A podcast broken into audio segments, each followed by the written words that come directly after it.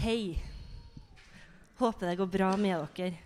Um, jeg har fått det privilegiet at jeg skal få lov til å være med å avslutte eh, talerserien som dere har hatt over flere uker nå. Eh, teksten, eller eh, overskrifta eh, for dagens tale er Jesus sin uttalelse, der han sier 'Jeg er oppstandelsen og livet'. Og så skal jeg snakke litt om hvordan det er vårt håp. Vi ber eh, sammen først. Kjære Gud, vi takker deg for denne eh, dagen.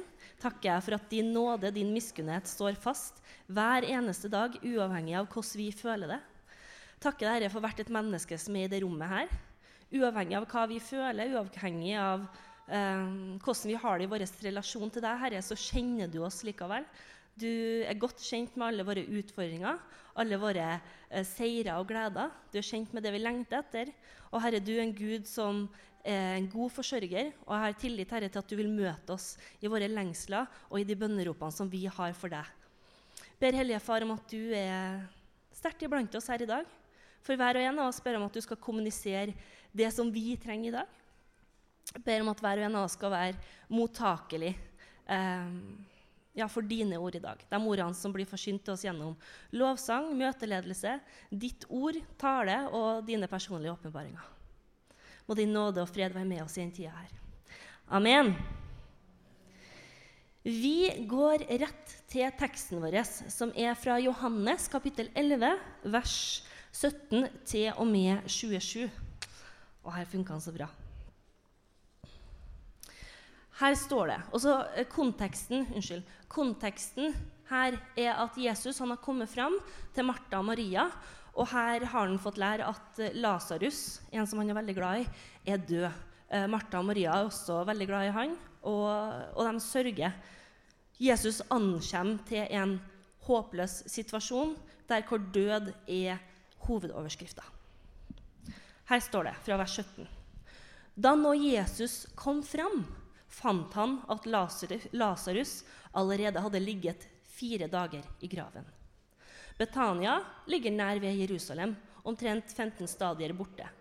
Og mange av jødene var kommet til Martha og Maria for å trøste dem i sorgen over deres bror.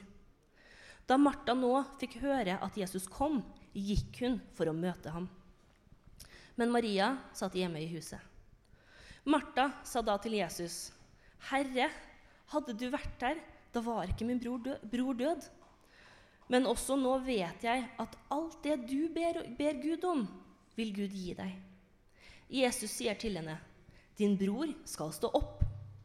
Martha sier til ham, 'Jeg vet at han skal stå opp i oppstandelsen på den siste dag.'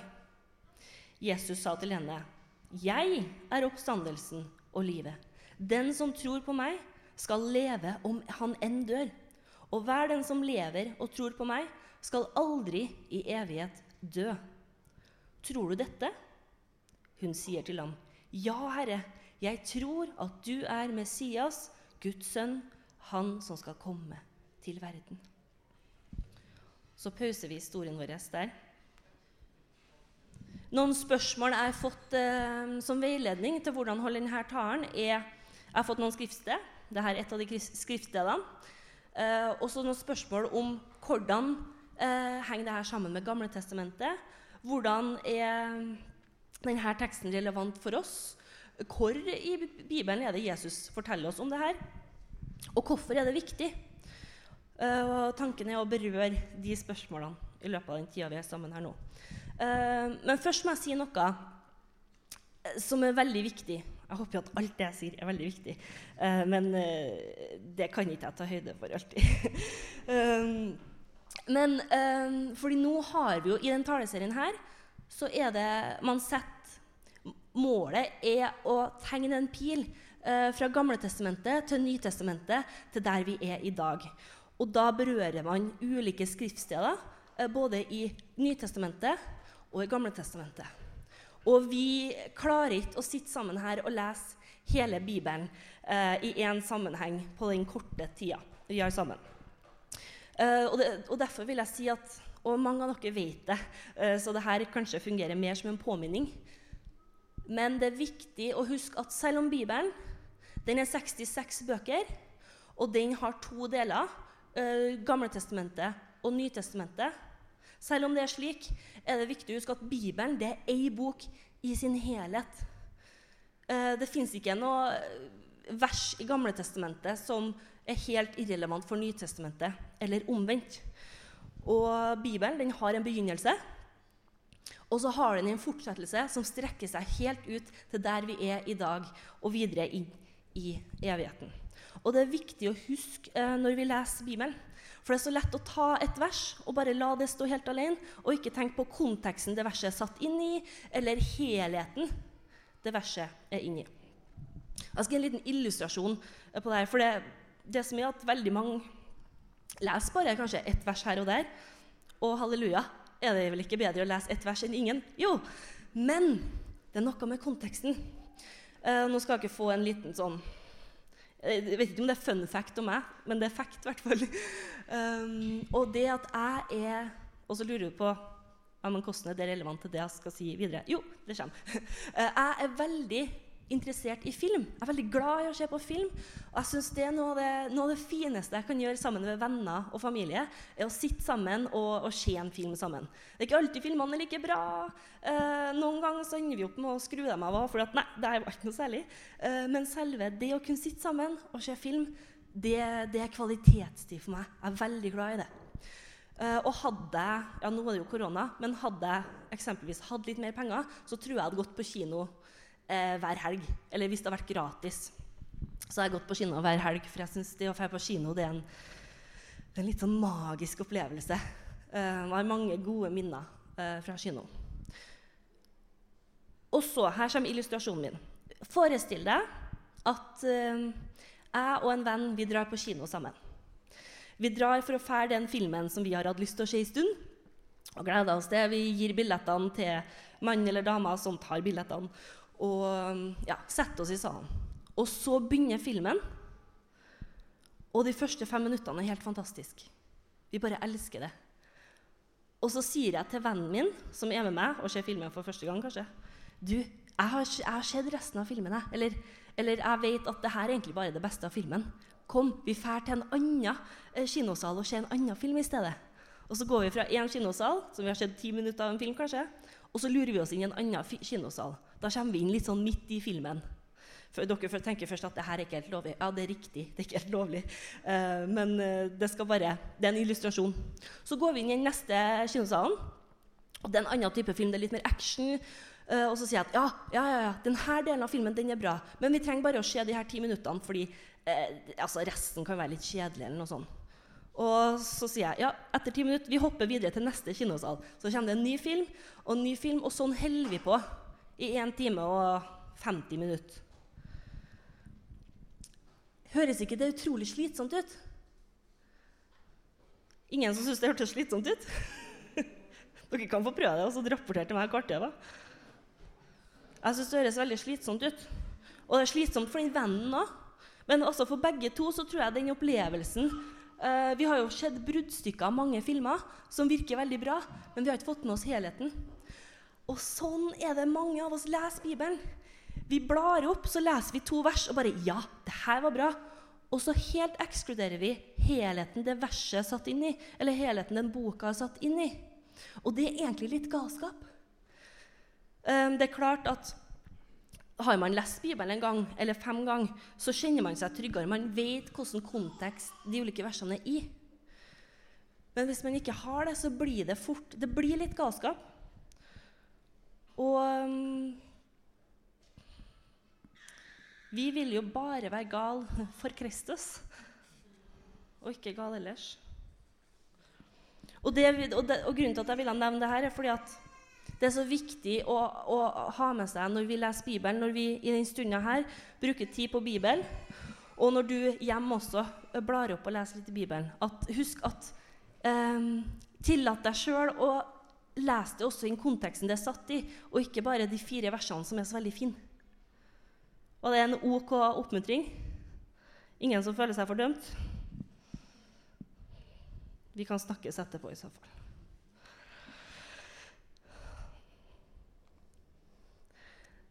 da Jeg skulle jo dra denne, tegne denne pila fra Gamletestamentet til Nytestamentet til dagen i dag.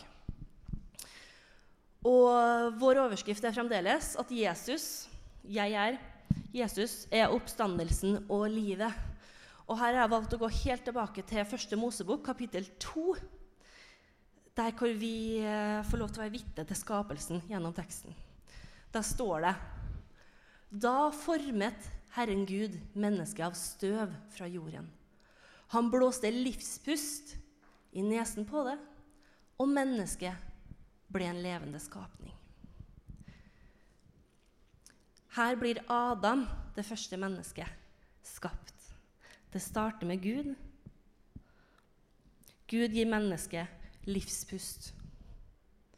Hvordan er det relevant til det Jesus sier, at han er oppstandelsen og livet? Å, det vet vi ikke helt ennå. Det kommer vi ikke fram til ennå. Evangeliet det er historien om eh, hvordan vi som menneskehet var adskilt fra Gud, levde i synd og mørke og var i desperat eh, behov av dårlig norsk eh, etter en frelser. Og så forteller også evangeliet historien om hvordan denne frelseren, redningsmannen, kom. Etter syndefallet i Edens hage så mista um, Eller ja, menneskeheten mista den nærheten Gud hadde skapt oss til å være i. Da Gud skapte mennesket, og han sa 'se, det er godt', så hadde han skapt mennesket til å ha et intimt forhold med han. De bodde et sted der det var bra, i Edens hage. Der var det fred mellom Gud og mennesker, som er den viktigste relasjonen man har. Det var fred mellom mennesker og mennesker. Det var fred mellom dyr og mennesker, og det var fred mellom dyr og dyr. Det var den ideelle eh, tilstanden vi mennesker ble skapt inn i. Og så kom synden. Og den første synd er jo at man tvilte på Guds ord. Der hvor eh, fienden, Satan, kom i kledd som en slange i Edens hage og sier til Eva, um, den første kvinne, har Gud virkelig sagt? Har han egentlig sagt at du ikke kan spise av dette treet? Stemmer det virkelig? Og så klarer han å overbevise om at nei, men det kan vel ikke stemme. Sånn fungerer fienden fremdeles i dag. Han får oss til å tvile på Guds ord, Tvil på vår verdi. Han sprer løgner. Eva hun tror på det. Og denne ideelle tilstanden vi menneskene var skapt til å leve i, den ble brutt. Den ble knust. Gud kan ikke eksistere, eller Gud kan ikke ha eh, intimitet der hvor det er synd. Så som en konsekvens av syndefallet, og synden kom inn i verden, og verden ble knust Det er beste måten jeg kan beskrive på. Eh, så forsvant Gud. Han forsvant jo ikke. Men uh, det nære fellesskapet som mennesket og Gud skulle ha, det er opphørt. Og siden da kan vi lese at Gud har så inderlig ønska å få gjenoppretta dette forholdet. Og han starta med Abraham. Han sa til Abraham, Der, ser vi jo den første eh, det vi kan kalle blodspakt. Han sier til Abraham at 'jeg vil at du skal være mitt folk', og jeg gir dere omskjærelsen til, til tegn på at dere tilhører meg. Men det alene kunne ikke rettferdiggjøre menneskeheten. Og så kommer vi til um, Moses sin tid, der hvor um, Gud gir Moses det vi kan kalle den andre blodspakt. Det er der han sier at ja, mitt folk skal være omskjært, og sånn skal jeg vite at dere tilhører meg. Men jeg vil også gi dere eh, en pakt der hvor dere kan ofre et lam, og det lammet sitt blod skal få vaske over alle deres synder.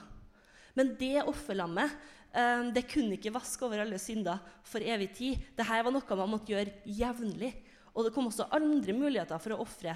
F.eks. at man ofra duer. Hadde man gjort den synden Nei, kanskje geiter, men uh, ja, ulike dyr. Okser for det, og osv. Så, så, videre. så de her blodspaktene de ble jo gitt av Gud for å, for at han ønska å gjenopprette det her forholdet vi skulle få ha med han, og at vi skulle få lov til å bli syndfri. Men det varte liksom aldri. Og så kommer vi jo til en tredje blodspakt, som er eh, i Nytestamentet.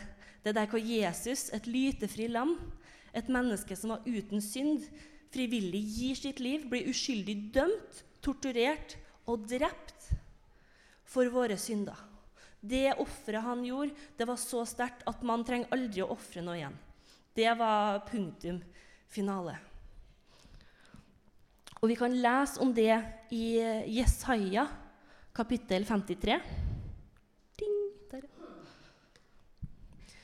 Uh, om du ikke har lest Jesaja 53 før, så vil jeg oppmuntre deg til å neste gang du har tid, om du leser litt Bibel på morgenen eller midt på dagen eller på kvelden, les hele kapittel 53 forteller oss om Jesus. Og det her står i Gamle Testamentet, så det her er før Jesus fysisk ble født. Men likevel så kjente selvfølgelig Gud til at gjenopprettelsen eh, skulle komme.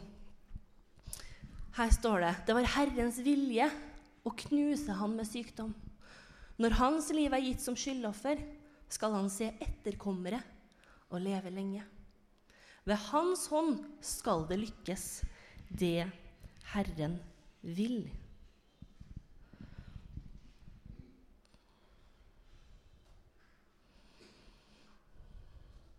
Ofte så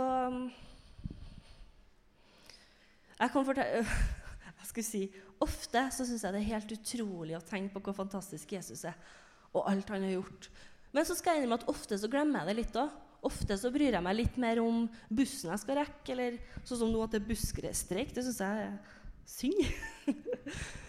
um, hverdagen spiser opp litt av det underet som jeg vet fins i trua på Kristus òg. Um, jeg skal stille et retor ja, det blir kanskje, jeg skal stille et retorisk spørsmål til dere. Um, jeg tror For de fleste så er det et veldig åpenbart svar her. Og spørsmålet her er Er det noen av dere um, som hadde ville latt barnet deres dø for meg?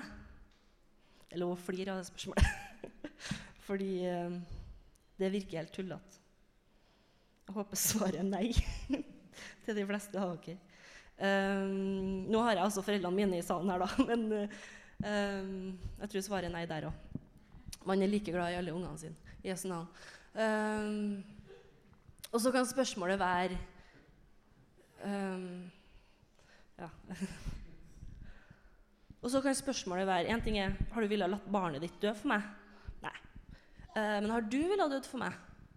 Kanskje også nei. Kanskje hadde foreldrene mine steppa inn. Jeg vet ikke. uh, I god tro, kanskje. Um, men det, det, er på en måte For å sette det litt i perspektiv da, Det er hva Gud med sin eneste sønn Jesus som har eksistert siden, siden begynnelsen, siden før han ble menneske. Og han kjenner Og Gud er jo altså Jesus, Gud og Den hellige ånd, det er jo treenigheten. De hører sammen og gi en del av seg sjøl. Og så villig la det ikke bare dø, sovne inn på en fredelig måte, men uh, bli torturert og drept i ung alder. Som uskyldig. Det er ganske dramatisk. Jeg håper jeg aldri slutter å synes at det er dramatisk. For det er, det er den største kjærlighetserklæringa som fins. Og det er en rød tråd gjennom hele Bibelen. Hvis du leser hele Bibelen, så ser du at ja, Gud han er rettferdig. Kanskje virker han streng noen gang, men han er rettferdig. Gud han øh, er en dommer, ja. Men han er også en rettferdig dommer. Han er en kjærlig far. Han er en forsørger. Den røde tråden i Bibelen er kjærlighet. Da Gud skapte verden og menneskene, så var det med kjærlighet.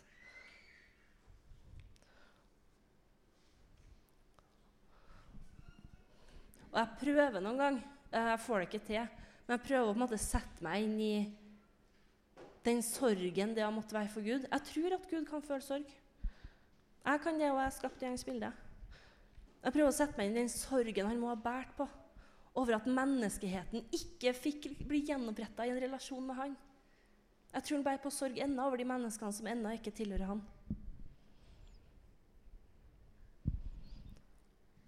Og da gir det mening at han var villig til å gi sin eneste sønn. Og så er jo det som er like tullete, at hans eneste sønn Jesus han var villig til å bli gitt. Overskrifta vår er 'Jeg er oppstandelsen og livet'. Og så er det en sånn pil, og det er vårt håp. Men så spørsmålet, da Ja, nå ser jeg jo at det er en skjerm der.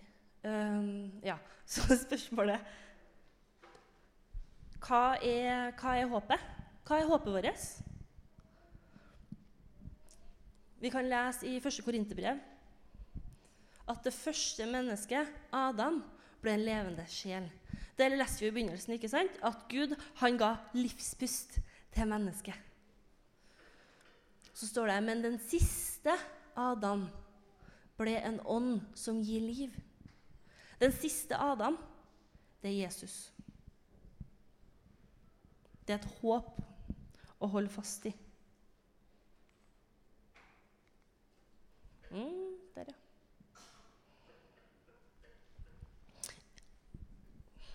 Og igjen, hva er håpet? I Romerbrevet 5, eh, vers 1-2, så står det her Da vi altså er blitt rettferdige ved tro, har vi fred med Gud ved vår Herre Jesus Kristus. Før Jesus så var det vanskelig for menneskeheten å kunne leve i fred med Gud. Gjennom ham har vi også ved troen fått adgang til den nåde vi står i og vi er stolte over håpet om Guds herlighet.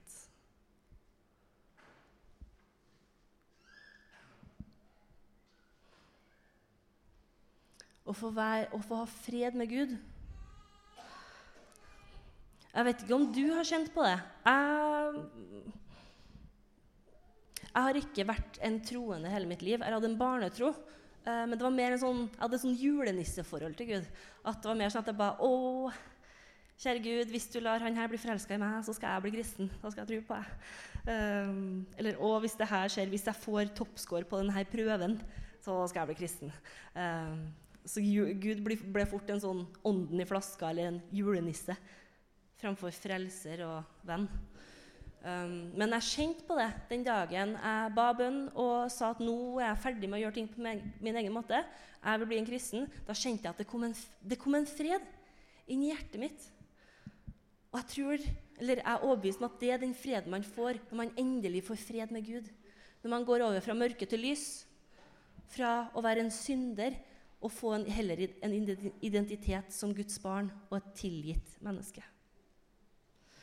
Og det er forundrer meg og gleder meg å kunne tenke over at vi Vi er veldig flotte, vi som sitter her. Men allikevel, vi små mennesker, vi får lov til å tre inn i et levende kjærlighetsforhold med den ene og levende Gud. Det er OK pluss. Jeg vil lese igjen fra Nyttestamentet, Johannes kapittel 5. Hva er håpet om Guds herlighet? Vi har lest om Guds herlighet. Håpet om Guds herlighet det er frelse og evig liv. Her står det, og da er det, eh, det er Jesus som tar det. Sannelig, sannelig, jeg sier dere, den som hører mitt ord og tror på Ham som har sendt meg, har evig liv og kommer ikke for dommen, men er gått over fra døden til livet. Så kan spørsmålet være hvordan er det her relevant i dag? Da Jesus sa 'Jeg er oppstandelsen og livet', um, så var det der og da var det en aktiv setning. Han sier 'Jeg er oppstandelsen og livet'. Men selv i dag er denne setningen aktiv. Det er ikke noe ja, det er noe som har skjedd i fortid og blitt sagt i fortid, men det lever i vårt presens. Det lever i dag. Jesus er fremdeles oppstandelsen og livet. Og det han sier, det vi kan lese her òg, er at den som tror på Jesus, Vi får bli med Jesus i oppstandelsen. Og Gamletestamentet sier at um, Jeg trenger ikke å ja, uh, I Bibelen så snakkes det om at vi menneskene eh, har et steinhjerte, og så tar Gud og erstatter det steinhjertet med et levende hjerte. Og det å gå fra død til liv Vi altså, som mennesker på jorda, lever du, så lever du. Men din ånd og din sjel Om du tror på Kristus, og får den, da får du Den hellige ånd, ånd som pant i ditt hjerte, så får du et evig liv. Om ikke det, så forteller Bibelen oss at det eneste som venter, er evig død. Det er ikke et intethet. Evig liv eller evig død. Og det vi ser allerede fra da vi leste i første Mosebok, er at Gud hele veien han har vært kilde til liv. Og det vil jeg oppmuntre deg som sitter her i dag, til å holde fast på. Fordi ja, er vel ikke livet ganske utfordrende? Én ting er at vi kan kjenne på utfordringer i våre egne liv, kanskje tankeliv. Kanskje har man dårlig sjøltillit, eller man bare syns at ting er litt sånn midt på treet. Eller kanskje har du store utfordringer i relasjoner. Kanskje har du store helseproblemer. Du har noen du er glad i, som ennå ikke er glad i Jesus, og det sørger deg hver dag. Livet, det er, det er helt. Det er ikke bare positivt eller bare negativt. Men vit at Gud han er fremdeles kilden til liv. Ikke gi opp å be om hva enn det du ber om. Kanskje er det at du ønsker at Gud skal blåse liv i et forhold som har vært vondt og vanskelig. Eller blåse liv i helsesituasjonen til noen du er glad i. Blåse liv i din personlige økonomi. Blåse liv i ditt åndsliv. Ikke gi opp på det. Og jeg vet det er tøft. Det er tøft å holde fast ved håp fordi at man føler at fallhøyden er så stor. For enn om det ikke skjer? Og det her har jeg kjent meg sjøl. Jeg har ting jeg ennå ber om, ting for min helse, ting for mitt personlige liv, som jeg ennå ikke har fått bønnesvar på. Og noen ganger gjør det vondt å be videre om det. Men hvis jeg klarer å minne meg på at Gud fremdeles er kilde til liv. Da blir det litt bedre. Flere ganger i Bibelen så ser vi at, um, at noen får en spesiell tro, og det frelser dem ut fra sin situasjon. Det er like aktuelt i dag. Ja, Bibelen vår den er, en, den er på mange måter en historisk bok, fordi den snakker om ting som har skjedd. Men den er også en profetisk bok. Fordi har Gud gjort det før, kan han gjøre det igjen. Hold fast på håpet.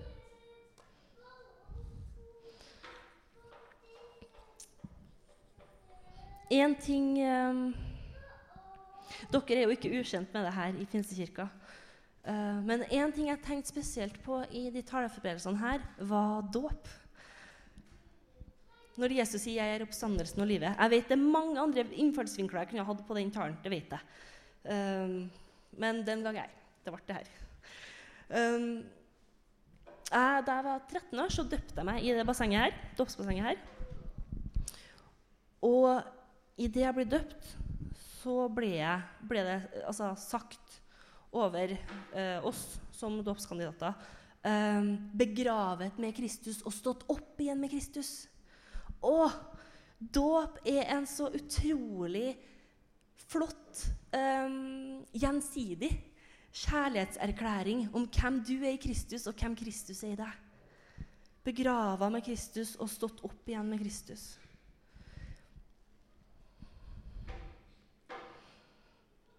Jeg vet at menigheten her er glad i å døpe folk. Så hvis du sitter her og kjenner at åh, ja, det hørtes litt kult ut, det Mia sa, hvordan hun beskrev det.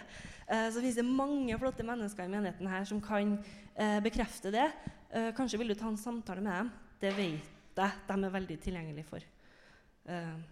Gjør det. Det er artig. Og vannet blir Det er god temperatur. Jeg har vært med noen ganger når det ikke er det. Ikke her. Men ja, så alt, alt blir lagt til rette for deg. Jeg liker mm, Ofte så prøver jeg å gå gjennom talen, og så tenker jeg hvis jeg bare hadde én setning jeg måtte ha sagt, hva det skulle ha vært? Um, og så sitter du her og tenker åh, enn om du bare hadde gjort det? Vi hadde spart oss for så mye tid. Bare kom her med denne ene setningen. Ja, enig. Men til det her Der hvor Jesus sier 'Jeg er oppstandelsen og livet', og hvordan det er vårt håp, så vil jeg la denne proklamasjonen stå igjen som en oppmuntring til deg. Husk Gud er kilde til alt liv. Og Gud er fremdeles vår livsgivende kilde. Vi avslutter med en bønn. Hellige Far, jeg takker deg for den stunden vi har fått lov til å ha sammen her nå. Hellige Ånd, jeg ber om at du virker i hver og en av oss uh, på den måten vi trenger. Jeg ber Hellige Far om at du skal gi oss åpenbaringer og ja, skatter skjult i mørket gjennom denne bønnestunda. Herre, for hvert menneske som er her. Som jeg har bekjent før, Herre, så bekjenner jeg igjen. Du kjenner oss. Herre, du som forsørger, du er kjent med våre mangler, du er kjent med våre sorger, du er kjent med våre plager. Og jeg ber Hellige Far om at du møter oss i de utfordringene hver og en av oss står i. Fordi livet er ikke uten utfordringer og du kjenner til dem vel, Herre. Herre, jeg vil be en velsignelsesbønn over hvert menneske som er her. Jeg ber om at du velsigner deres økonomi. Hvordan den ser ut, Herre. Jeg ber om at du velsigner den, og du gir dem visdom til å forvalte den vel på en måte som gir ære til deg. Hellige Far, for hvert og et menneske som er her, jeg ber om at du velsigner dem og hele deres hus. Velsigne dem med fred, velsigne dem med glede, Velsigne dem slik at de kan vokse i kjærlighet og tillit til deg, Herre. Herre, for dem som er på arbeidsplasser, dem som er på skoleplasser og ellers i andre aktiviteter ute i verden. Herre, velsign dem. La dem få lov til å være lys. La dem få lov til å kjenne at du bærer dem, Herre. Og Herre, for dem som sitter her og kjenner på helseplager. Jeg ber om at du ved din nåde, Herre, velsigne dem. For dem som kanskje går på medisiner, Herre, la de medisinene virke. Herre, for dem som går til leger eller er under utredning. Hellige Far, jeg ber om at du setter de beste legene på saken. Gi, dem, gi legene visdom og klarhet, Herre. Og Hellige Far, for dem som allerede har fått en diagnose der hvor det, det ser håpløst ut. Halleluja, Herre, ingenting er håpløst med deg. Din, eh, ditt skaperverk og din storhet, Herre, står over enhver menneskegitt diagnose ber jeg Herre om at hver og en av oss skal bli bevart i fred, kjærlighet, håp og tillit til deg. I Jesu Kristi navn. Amen.